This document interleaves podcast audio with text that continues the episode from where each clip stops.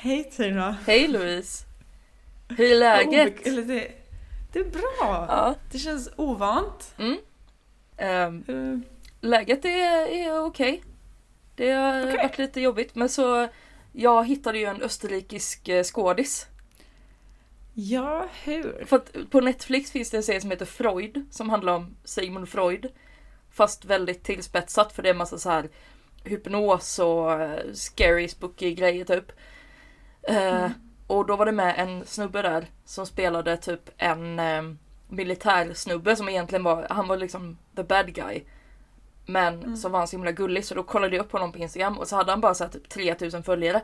Så jag var så, ja han kanske svarar om man skriver till honom. Eh, och så gjorde han det och sen började han följa mig på Instagram. och eh, jag är lite psyched. Bara för, ja, men kul. Mm. Det är härligt att hitta um, ehm, så här snäva referenser känns det men alltså folk som man Folk som uppskattar att man tycker om dem. Ja, precis.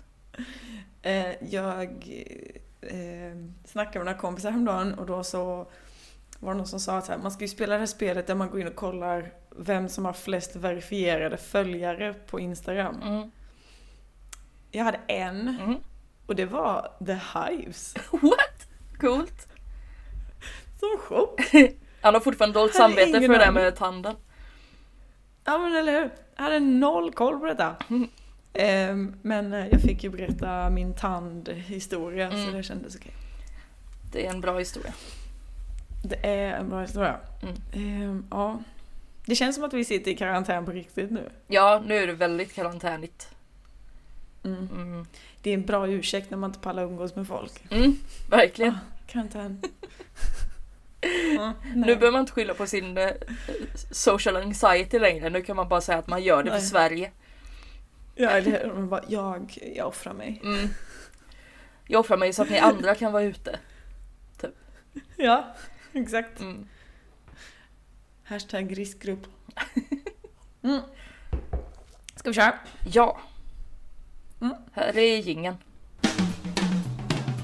Vad hände denna dagen föds drottning Margaret Blir Pluto från tagen sin planetidentitet Föds en blodtörstig diktator lanseras hårgelé Föds Pippi Långstrump, Bråke Strindberg Lyssna får du se ah! Himla nonchalant. Ja. Yeah man! Eh, idag är det torsdagen den 30 april. Yes. Det är den 121 dagen på året. PGA skottår! Just det. Vilken grej. Det är vårt första skottår. Ja, astufft. Mm. Yes, eh, det är 245 dagar kvar. Mm. Det tycker jag är bra. Det är mer kvar än vad det har gått och då är du nöjd. Ja, det brukar vara så. Mm. Eh, det är ingen vanlig dag idag. Det är inte det va? Nej. Nej. Idag fyller kungen år. Woho! Och med kungen menar jag självklart min farfar. Mm. Sicken Mm. king. Sture, ja, precis. Sture Ingvar Karlund, han fyller 78 år idag. Mm. Grattis. Han är kungen på, på Brännö. nu ska jag berätta om min farfar. Eh, min farfar är en lång och snäll man i sina bästa år. Det har han alltid varit. Han är tunnhårig, det har han också alltid varit. Eh, när jag var liten brukade vi sjunga en sång. Högst upp på Sture växer ingenting, bara runt omkring, bara runt omkring. Eh, han är snäll, han är den snällaste i världen. Eh, det har han också alltid varit. Eh, den enda gången jag sett honom arg var när jag sa att jag nog inte vill ha barn. Oj. Eh, Ja, han älskar barn Mm. på ett bra sätt. Han älskar att skämma bort sina barnbarn och sina barnbarns barn. Han tycker om att eh, bygga saker, att snusa lössnus, general ska det vara. Eh, Och att dricka tysk öl. Mm. Eller dansk. Och GT. När han åker in till stan så vill han äta på Red Lion vid Mariaplan. Mm. Då, då bjuder han in mig och min faster och hennes familj och så sitter vi och äter hamburgare och revben ska han ha. Och så dricker vi GT. Mm. Sexor för fan, som man brukar säga. Eh, farfar hör fruktansvärt dåligt. Det har han också alltid gjort.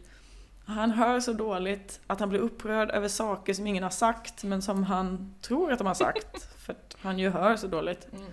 Men eh, för några månader sedan så fick han en ny hörapparat. Nu hör han allt. Hans, hans nya hörapparat har bluetooth.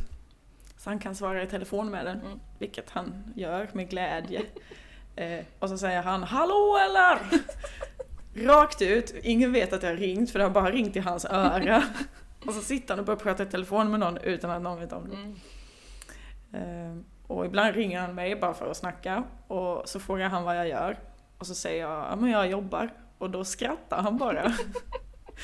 han skrattar väldigt ofta och högt. Eh, han kan också lyssna på radion i sin hörapparat. Mm. Det gör han också ibland. Ja, direkt Mest in i för- apparaten liksom. Jajamän, direkt in i apparaten. Han är ju en Från, eh, cyborg. telefonen. Han är ju det. Eh, och han tycker det är lite styligt så han brukar visa vad han bara kolla här. eh, när farfar var liten så var hans eh, bästa vän hans mammas morfar. Mhm. Han hette John, John Karlund. John var tjenis med Lasse Dahlqvist, han som skrev Dans på Brännö brygga. Eh, Lasse skrev en låt om farfars mammas morfar. Eh, Den heter Visan om Karlund. Och i den sjunger han att John är gift med Natalia fast ej så det stör. Och att Karlund är pojken med glimten i vrån trots sina 80 år. Eh, Och jag sjöng visan om Karlund på farfars 60-årskalas, alltså för 18 år sedan. Eh, för på något sätt så funkade den här låten precis lika bra på farfar. Och jag tror att han på något sätt fortfarande har John som sin bästa vän. Som sin idol. Och som den modell som han har format sitt liv efter. Och jag vill i gengäld ha min farfar som idol. Som modell efter mitt liv. Ty som låten går Karlund avskyr moll. Så grattis farfar! Grattis farfar! Vilken Ja. fantastisk liten farfar du har. Visst, han är underbar. Mm. Och kungen fyller också år. Grattis kungen! Grattis Karl 16 Gustav! Ditt gamla Yeah. busfrö.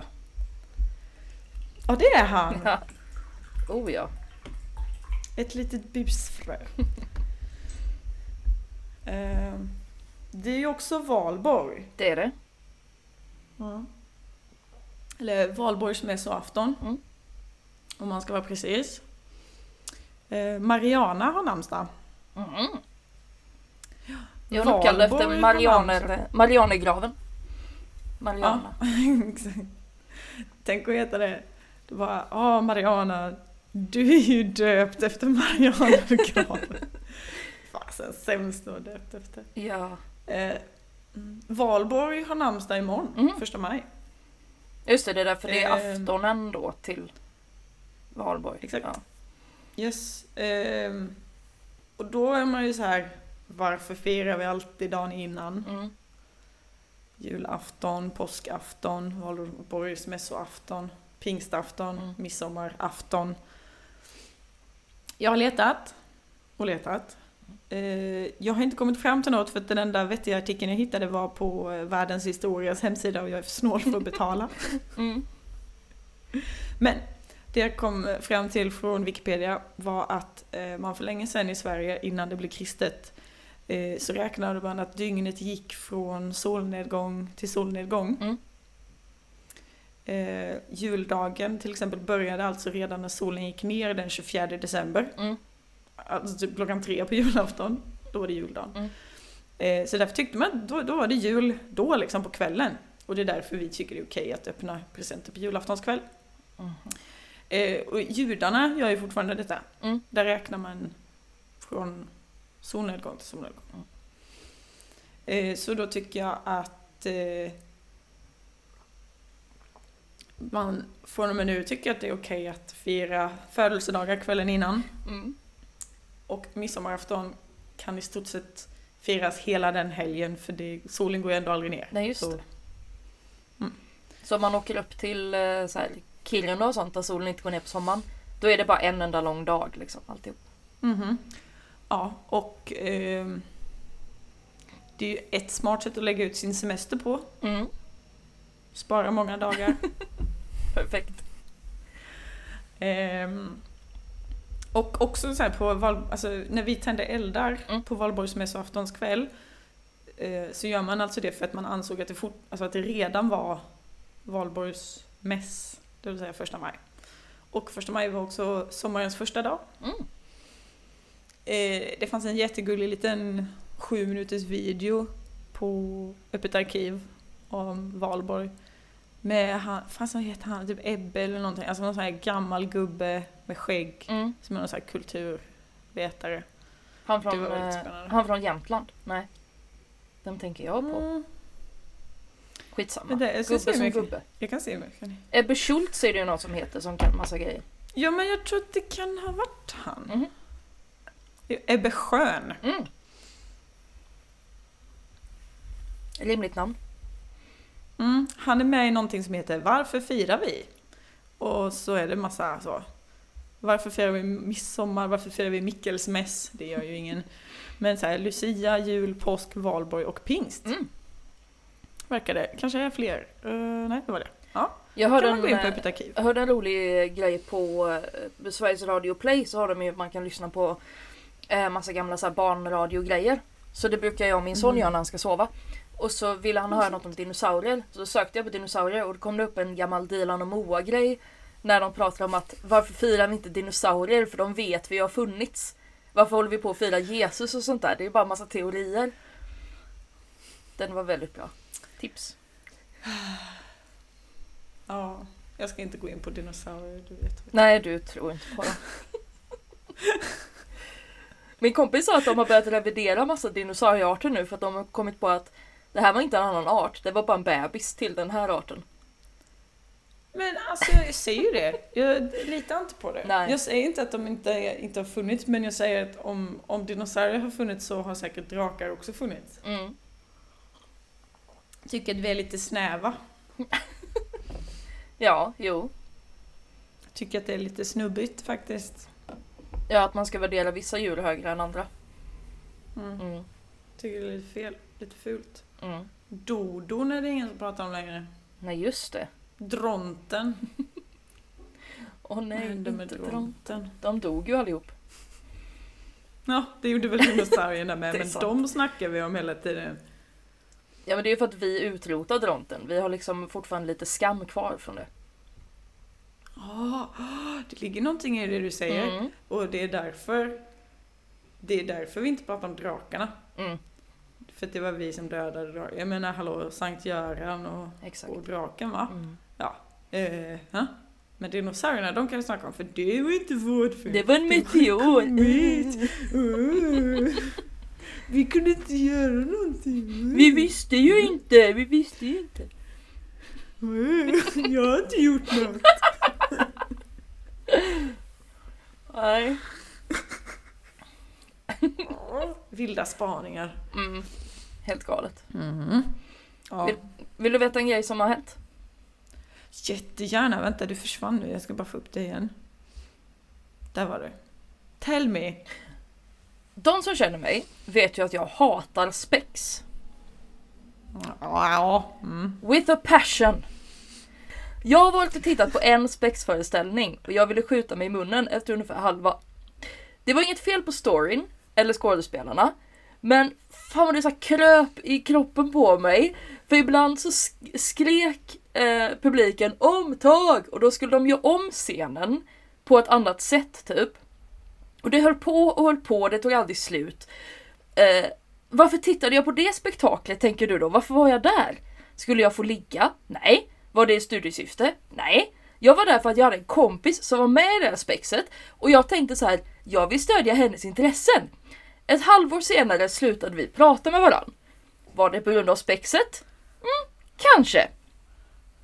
Den 30 april, denna hemska dag av spex och flärd, denna ta på dig studentmössan, en party like it's trean på gymnasiet, denna ordvikt ordvitsiga highbrow low-brain entertainment-dag. Snapsvisor såsom Vem är en fylle-fylle-hund? och vända ölglaset ovanför huvudet.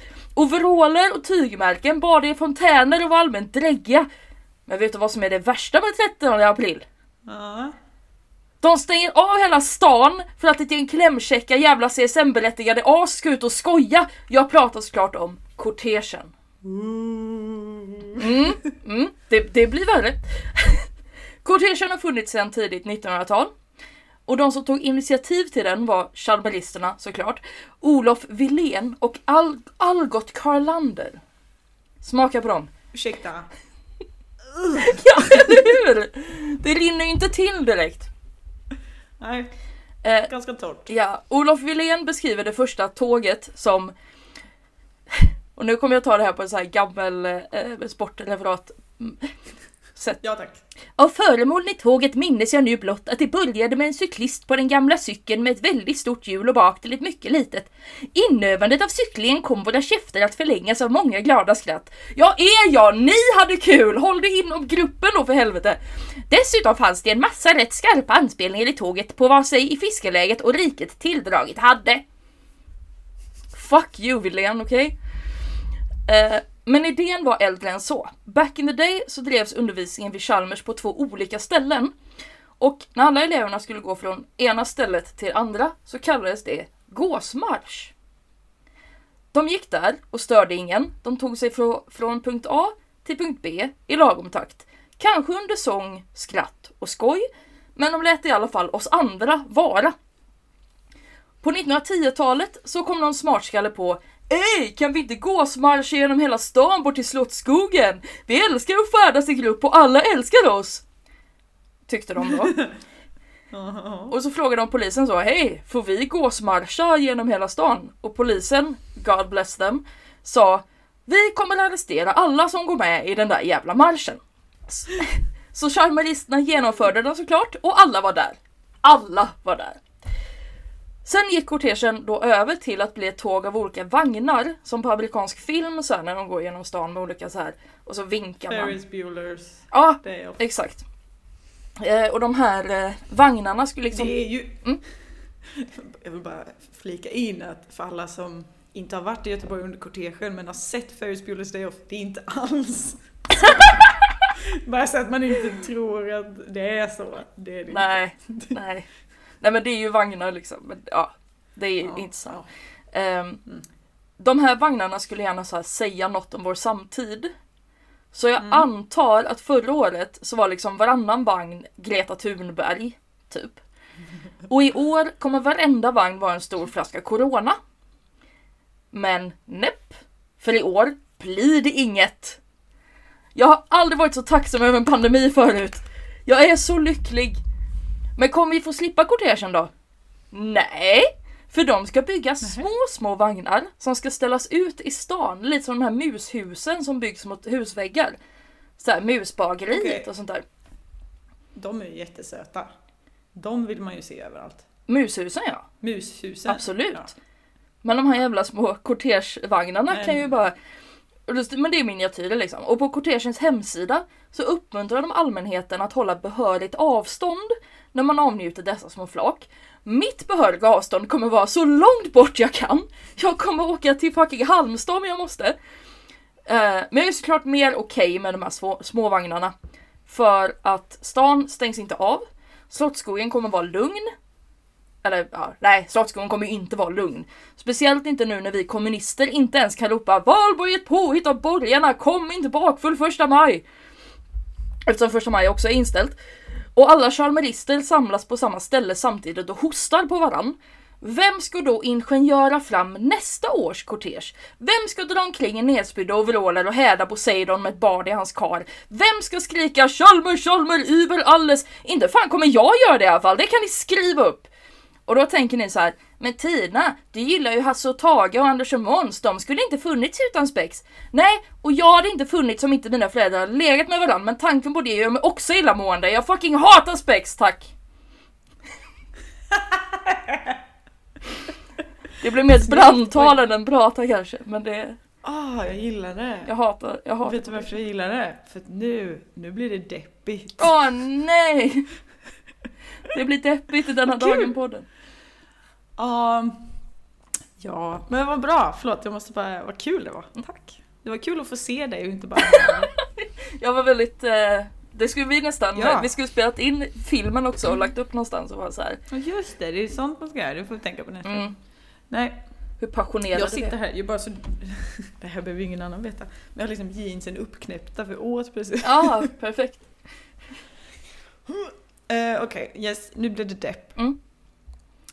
När jag försöker hitta någonting att prata om eh, i den här podden så brukar jag gå in på Wikipedia-sidan för dagen. Mm. Klickar jag upp typ allting jag hittar så här, bara för att säga vad är det för någonting som är så här kul. Oftast hittar man ju någonting så här kul, spännande, någon människa som är lite galen. Mm. Eller något som idag. Så hittar jag en del av historia som är så fruktansvärd och väldigt viktig så att jag skäms lite över att jag inte har hört talas om det innan. Mm. Och sen inser jag att det här borde alla veta och så bestämmer jag mig för att ja, nu ska jag berätta om det deppigaste jag någonsin hört. Vi får offra vårt välbefinnande för att det här ska komma ut. Eh, Så jag hoppas att eh, endorfinnivåerna är höga. Nu, nu kör vi. Eh.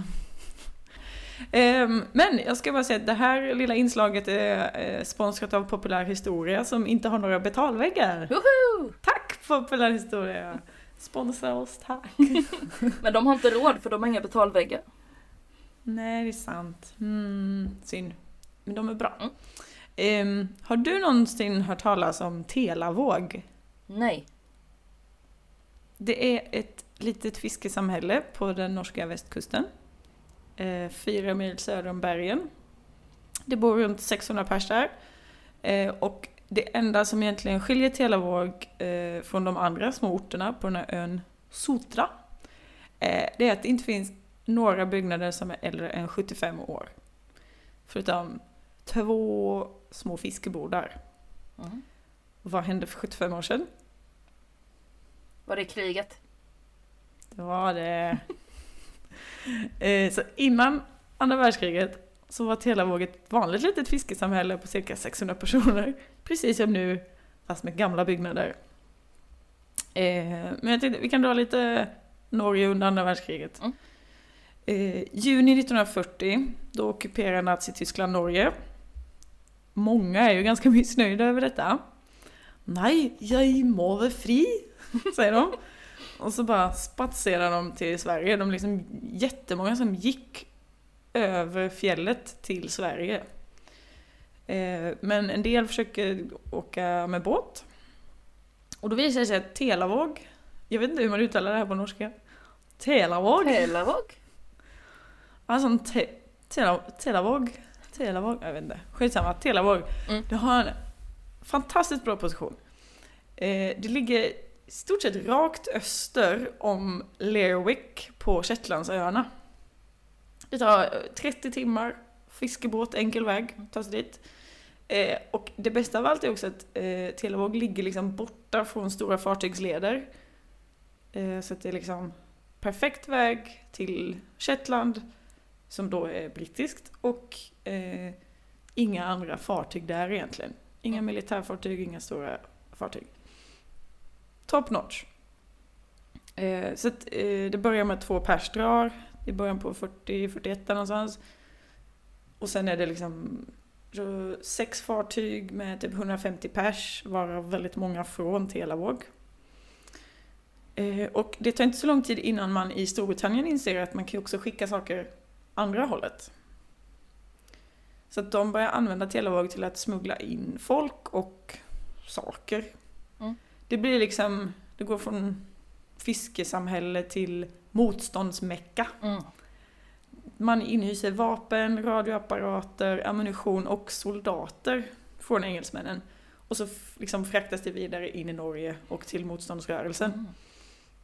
Och eh, det liksom engagerar hela byn.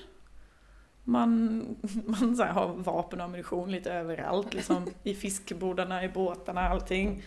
Eh, och man var ganska öppen med det, man hade inte riktigt fattat grejen liksom. Och det här med att man skickade folk till England. Det var också bara så här, ja jag behöver dem hjälp så det är lugnt. Mm. Eh, det var en ganska dumdristig filosofi insåg man sen. Ehm, Den 19 april 1942 då kommer det en last på 10 ton vapen, ammunition, mat, radiosändare och tobak till den lilla byn. Mm. samt två norska elitsoldater som då är en del av motståndsrörelsen och kompani Linge som det så fint heter. Mhm. Eh, och de här två männen får bo hemma hos en snubbe som heter Laurits. Laurits Telle heter han. Mm. Och han är typ byns hövding. Har han, en, eh, har han en bror som heter Maurits? Maurits Alltså, och det, Laurits. men han Han har en son som heter Lars. Oj! Ehm, dock visade det sig här att typ just där och då så blir en av snubbarna i byn lite sur på Laurits för att eh, han har sålt en båt till honom för ja, eller jag vet inte, det har varit någon sorts båtaffär som har gått lite dåligt. Den här snubben är sur så han berättar för polisen att Laurits har en radiosändare hemma som då är olagligt. Mm. Eh, och då skickar man den 25 april en norsk eh, civilnasse till Telavåg eh, för att undersöka saken. Men han kommer liksom ja, civilklädd. Eh, och eh, då tror de att han vill åka till England. För det liksom, kommer det någon utanför byn så är det därför. Mm. Så de bara såhär, ja ska du åka till England? Och han bara, eh, ja. Och då berättar de så här, ja, ja men det är inga problem, det löser vi. Så här. Eh, Laurits där borta, du vet han har ju två personer som bor hemma hos honom nu så det är ju, det här löser vi liksom. Crazy. Så den här snubben, han bara, eh, tack så mycket, hejdå. Drar tillbaks till fastlandet och så berättar han för sina chefsnassar.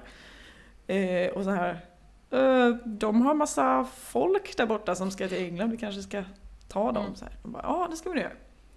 Eh, Laurits har lyckats lista ut vad som händer och han bara You guys, ni måste dra nu till de här eh, soldaterna. Men en av dem är sjuk så han bara Kan vi inte stanna en natt till? Han bara "Åh, okej då. Dum idé. Mm. Morgonen den 26 april så kommer det fyra SS-soldater, en norsk polis, en tolk och en bellman i landet i Elavåg.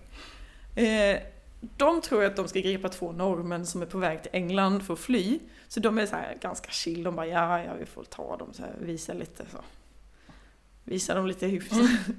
eh, men när de kommer hem till Laurits och ska gripa de här männen så börjar de skjuta på dem. Eh, vilket, eh, nej, det går inte så bra. Mm. Eller ja, eh, det, det pangas fram och tillbaks lite. Det slutar med att en av norrmännen dör, den andra är väldigt skadad. Två SS-soldater är döda och de andra är väldigt arga. Mhm. Ehm, så att eftersom man har dödat två SS-soldater så blir tyskarna så här, nej, nej, nej. och norrmännen bara, åh oh, nej. Eh, så det bara väller in tyskar i Telavåg. Man griper liksom typ alla man får tag på. Laurits blir gripen till exempel. Och sen börjar de så här, vilka var detta? De bara, "Åh, det var ingen. De bara, jo, eh, ja. Och så börjar de leta igenom alla husen och hitta massa vapen, massa ammunition och mat och liksom bomber och grejer. Eh, och då blir de lite arga, tyskarna. Eh, så då eh, kommer det högsta hönset dit. Han heter Josef Terboven. Bra namn. Jag vet inte hur man uttalar det, men han är tysk. Han ser ut lite som gubben i tavlan eh, American Gothic. Ja, han med grepen. Exakt. Fast han har liksom Harry Potter-glasögon och militäruniform. Ja men som, han är så här typisk nazist i Indiana Jones-film. Mm, Ja, en sån. så ser han ut. Ja. Eh, han var liksom de facto kung i Norge typ under den tyska ockupationen. Han blev inte jätteglad när han fick höra vad som hade hänt i Telavåg och han säger själv, eller han sa själv att det var Hitler som bad honom att liksom vad ska man säga, göra ett exempel Mm. av Telavåg. Så den 30 april 1942 så förs alla män i Telavåg iväg. Eh, alla, eller alla män mellan 16 och 60 år. De skickas iväg från Telavåg och till Grini-fängelset i Oslo. Eh, och samtidigt så spränger man de husen som man tillhör, eller som tillhör de som man tror var liksom ledarna i byn, varav Lauritz. Laurits. Liten parentes om Grini-fängelset. Det är ett fängelse som låg utanför Oslo, eller det ligger fortfarande kvar, det heter bara inte Grini längre. Eh, det, togs, eh, det togs om hand av SS och Gestapo under kriget och det var liksom där man satte folk som, alltså krigs, eller vad ska man säga krigsförbrytare, men alltså folk som, från motståndsrörelsen. Det var nästan ett koncentrationsläger. Mm. Nästan. Eh, under kriget så satt det typ 4000, jag tror att det var ett kvinnofängelse innan tyskarna kom. Mhm. Nu är det ett vanligt fängelse. Mm. Eh, det satt faktiskt också några svenskar där. Johnny Bode till exempel. What? Ja. Fan vad sjukt. Eh, ja. Och Stig Sederholm som var skaparen av Åsa-Nisse. Okej. Visste du att han, han var nazist? Visste du det? Nej. Fan vad sjukt. Nej, så, ja, han var eh, aktiv antikommunist när han var ung. Åsa nazist. Eh, och yeah. han, han kämpade i spanska inbördeskriget på eh, Francos sida. Eh, sen tog han värvning eh, i SS. Mm. Ehm, ja, Som man ju och sen gör. så var han i Norge. Som man ju gör. Och sen så åkte han till Norge och eh, där hamnade han i fängelse för att han förskingrade pengar. Eh, Men han var fortfarande nazist, Mm. det var han. Mm. Eh, Johnny Bode var ju mest... Han var ju lite komplicerad va? Mm.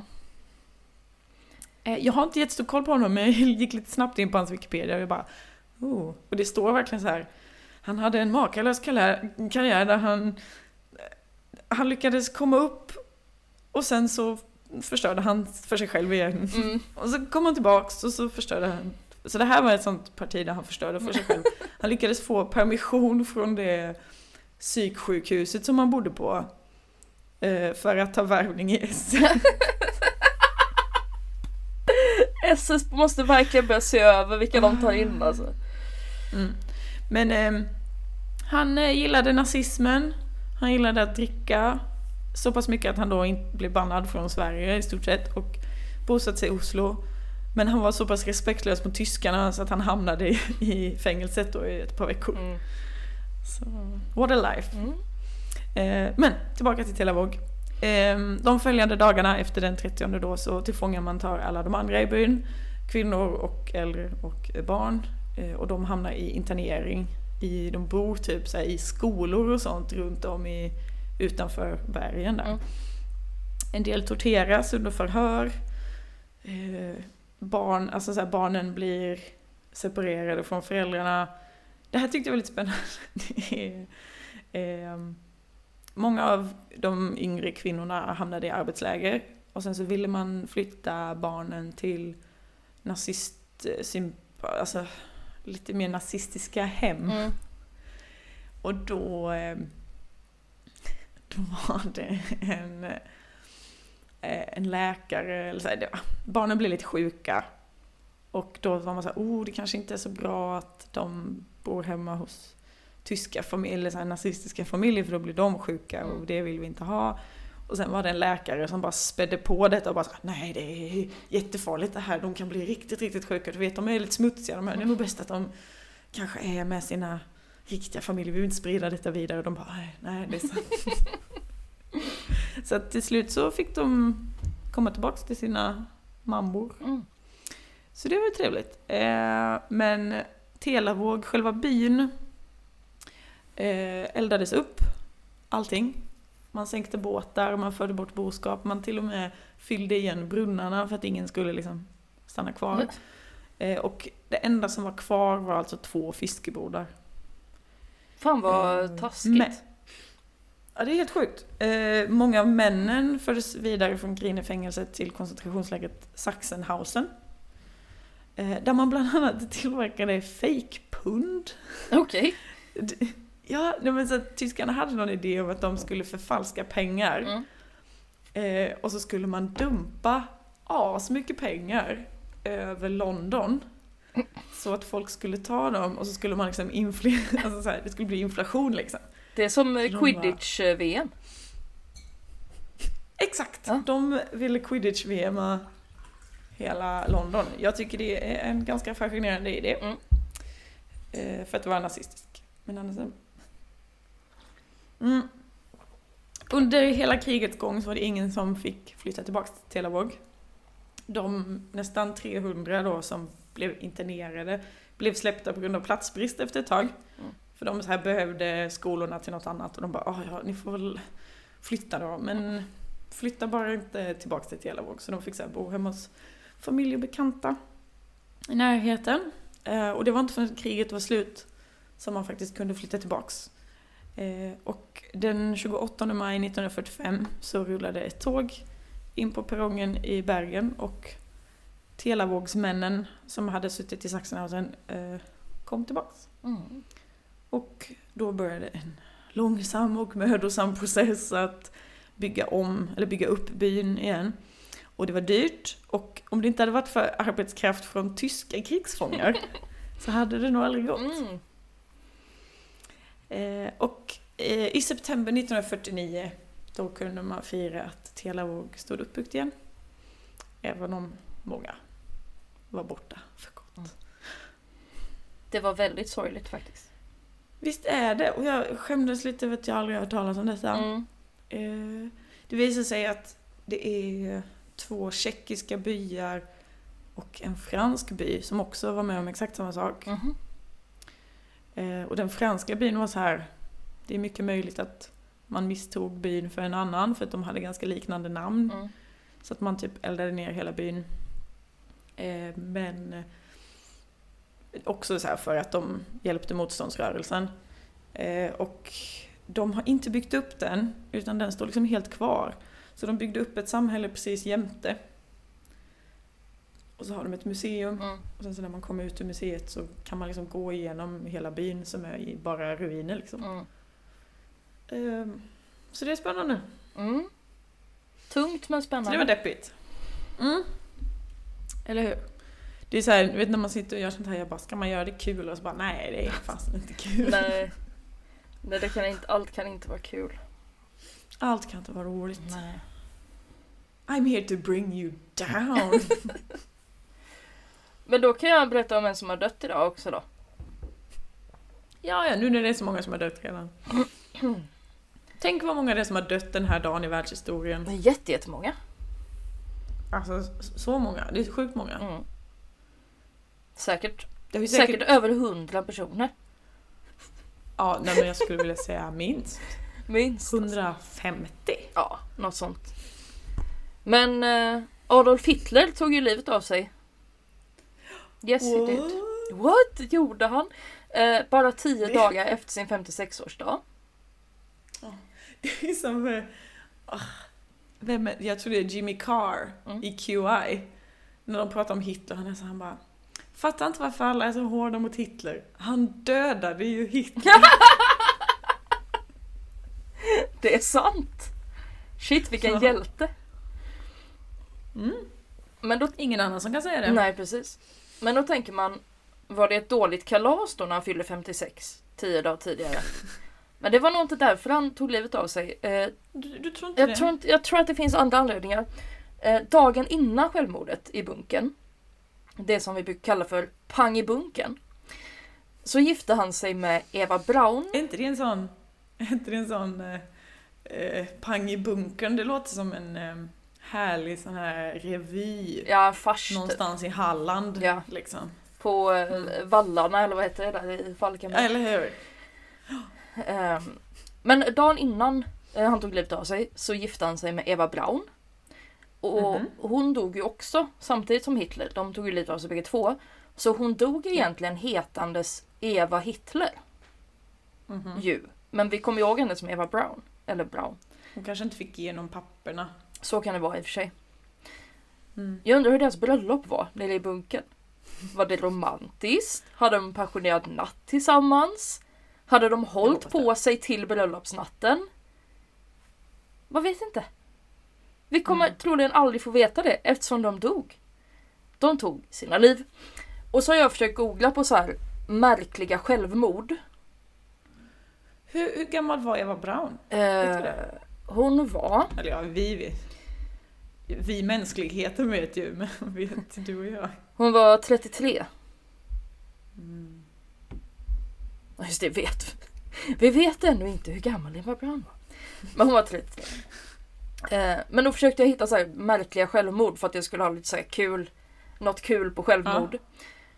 Eh, men det som självmord har gemensamt är ju att det är så jävla sorgligt. Ja. Och det minst sorgliga självmordet någonsin måste ju vara Hitler.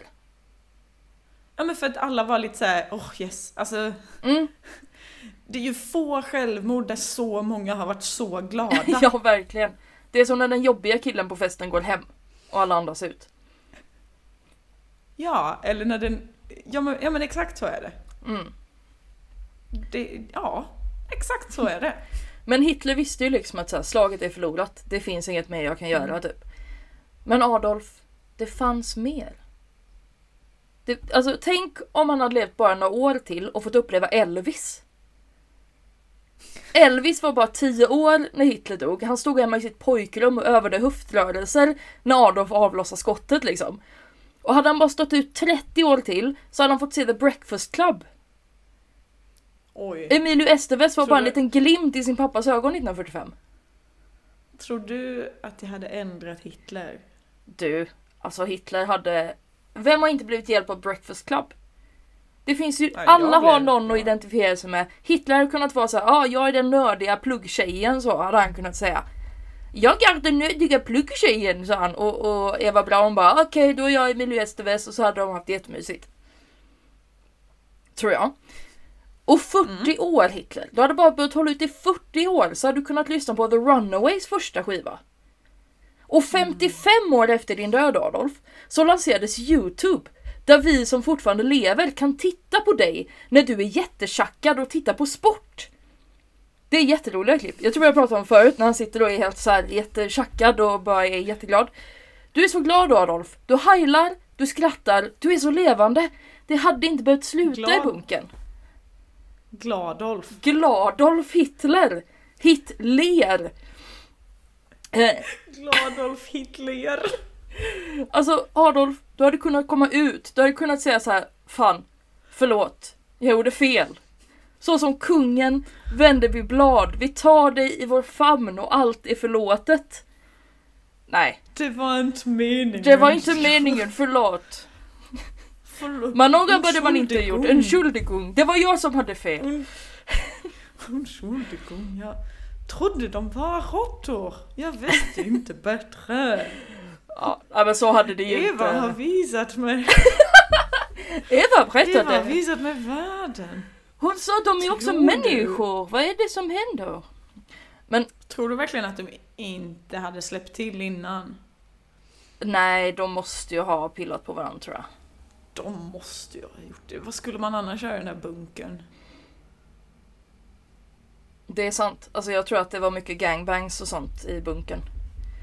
Men annars, det är ju svårt, jag menar, jag kan ju tänka mig att alltså, han kanske var lite deprimerad, då kanske man inte har så mycket lust. Nej, det är sant. Han var nog väldigt stressad kanske- och ledsen. Ja, och då är det inte så lätt, och då kanske man inte vill. Och då kanske, det kanske var Eva som sa bara, men det är faktiskt vår bröllopsnatt Adolf. och han bara, jag klarar inte det. Entschuldigung Eva.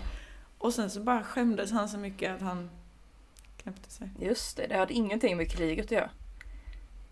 Nej, han kunde bara inte få upp det. Men grejen med Adolf Hitler. Ingen borde ju någonsin begå självmord. Nej. För det är sorgligt och hemskt. Och ofta så Mm. finns det ju massa kvar att leva för liksom.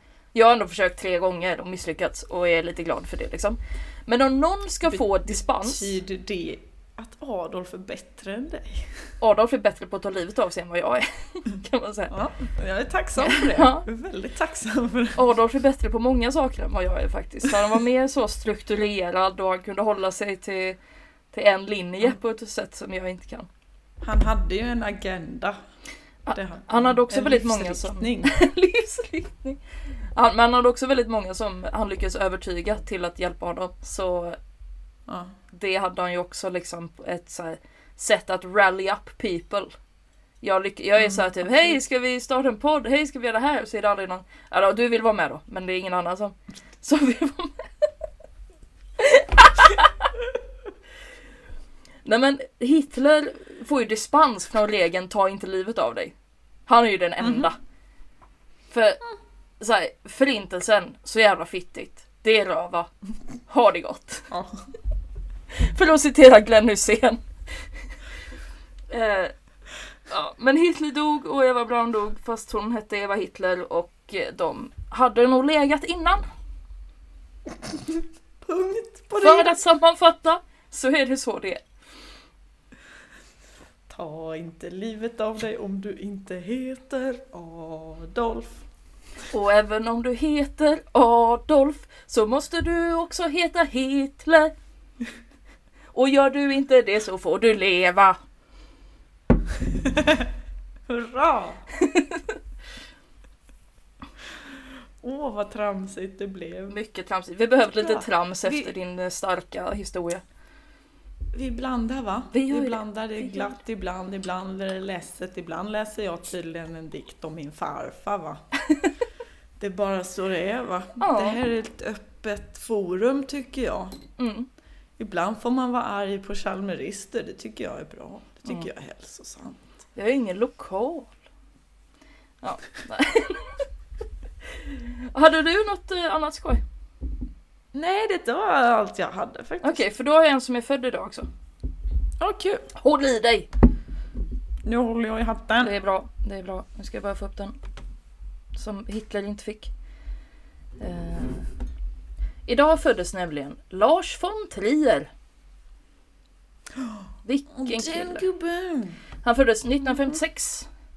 Så har jag skrivit grattis gubben.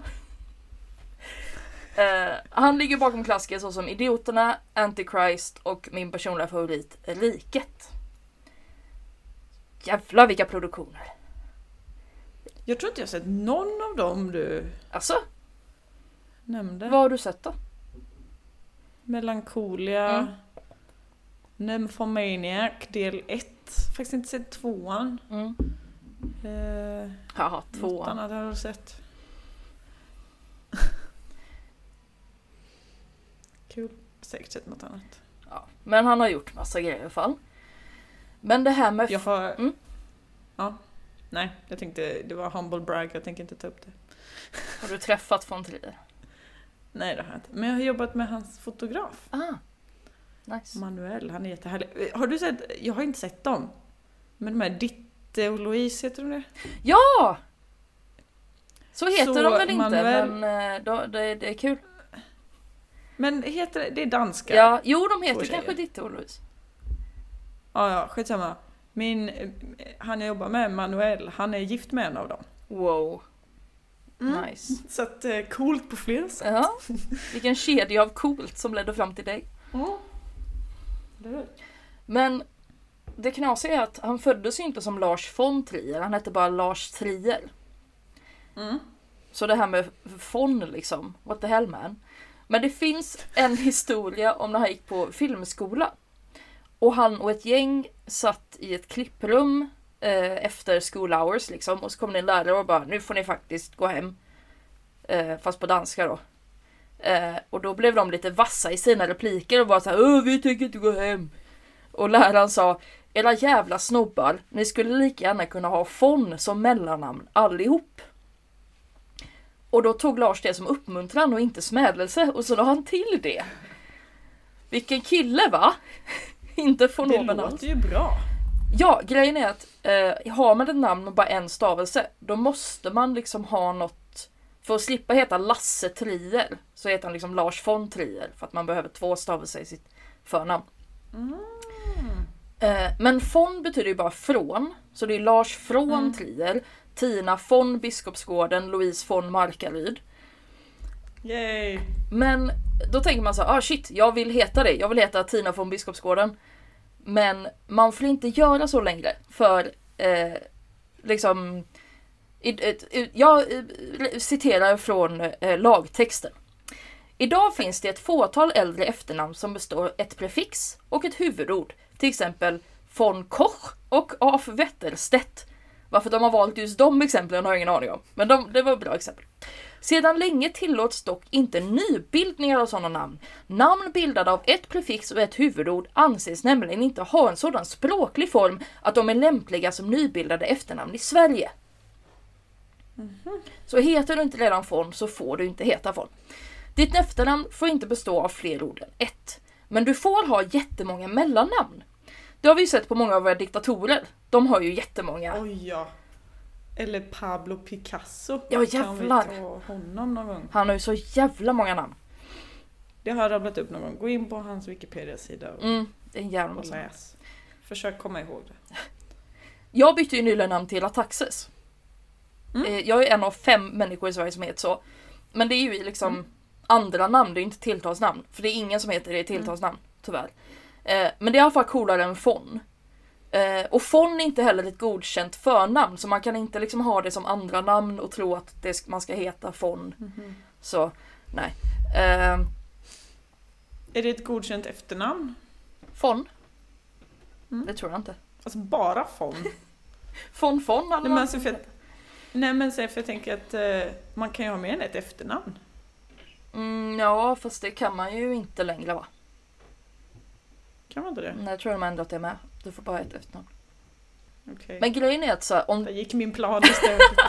men om du alltid presenterar dig som Louise von Markaryd så är det ju Mhm. ditt namn för alla du säger det till.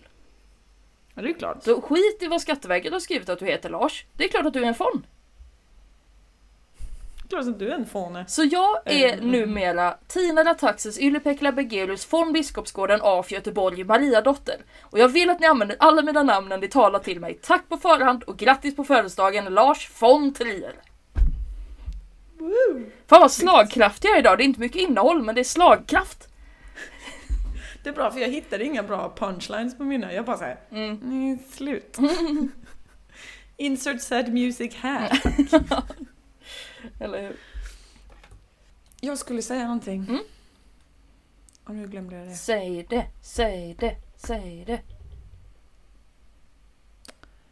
Jag hade en klasskompis som hette Af Klinteberg. Mm. Men jag är ganska säker på att han bara hette Klinteberg egentligen. Ja det är ju det där med Men att hans familj var lite fancy så. Mm. Skulle vara lite märkvärdig. Jag har en, min före detta svägerska heter Af Edholm. Eh, för att hennes Får man heter, han, han har det i släkten. Då får man heta så tydligen. Mm. Skumt. Har du något du vill plugga? Eh, jag är arbetslös. Mm. Grattis alla arbetsgivare, Så- Louise är arbetslös. Nej. Nej. Nej, jag har ingenting som händer nu. Jag, eh, om någon vet någonting om hur man eh, jag försöker odla tomat här till exempel. Åh, vad fin. Jag har lite växter här. Mm. Om det är någon som vet hur man gör det får man höra av sig. Ehm, jag funderar på om jag ska börja brodera gamla t-shirtar och sälja. Mm. Ehm, it's weird times va? Ja, Man får hitta på vad man kan. Mm. Nej, jag, jag tänkte spendera mina dagar med att försöka skriva lite manus kanske. Mm. Så får vi se vad som händer med det. Men du kanske har något annat? Eh, jag har ju startat en till podd som heter Hon vill ju så gärna. Mm. Eh, som är ensam podd. Eh, och den får man gärna lyssna på på alla poddplattformar. Och så får man gärna göra som Aron Fries, eh, Österrikes vackraste människa och följa mig på Instagram. Eh, där heter jag Och som The Tina Hives. Beggers. Och som The Hives gör ska man följa Lo Constantia. Ja. Så det är Tina Bergerus och Lo Constantia. Japp. Um, great, great. Men vad kul, det här var roligt hörru. Ja. Det väldigt... Förlåt att det var deppigt. ja, men det får det vara ibland. Så får det vara. Mm. Ehm, kul. Ja men då hörs vi nästa gång då allihop. Hej då! Hej då!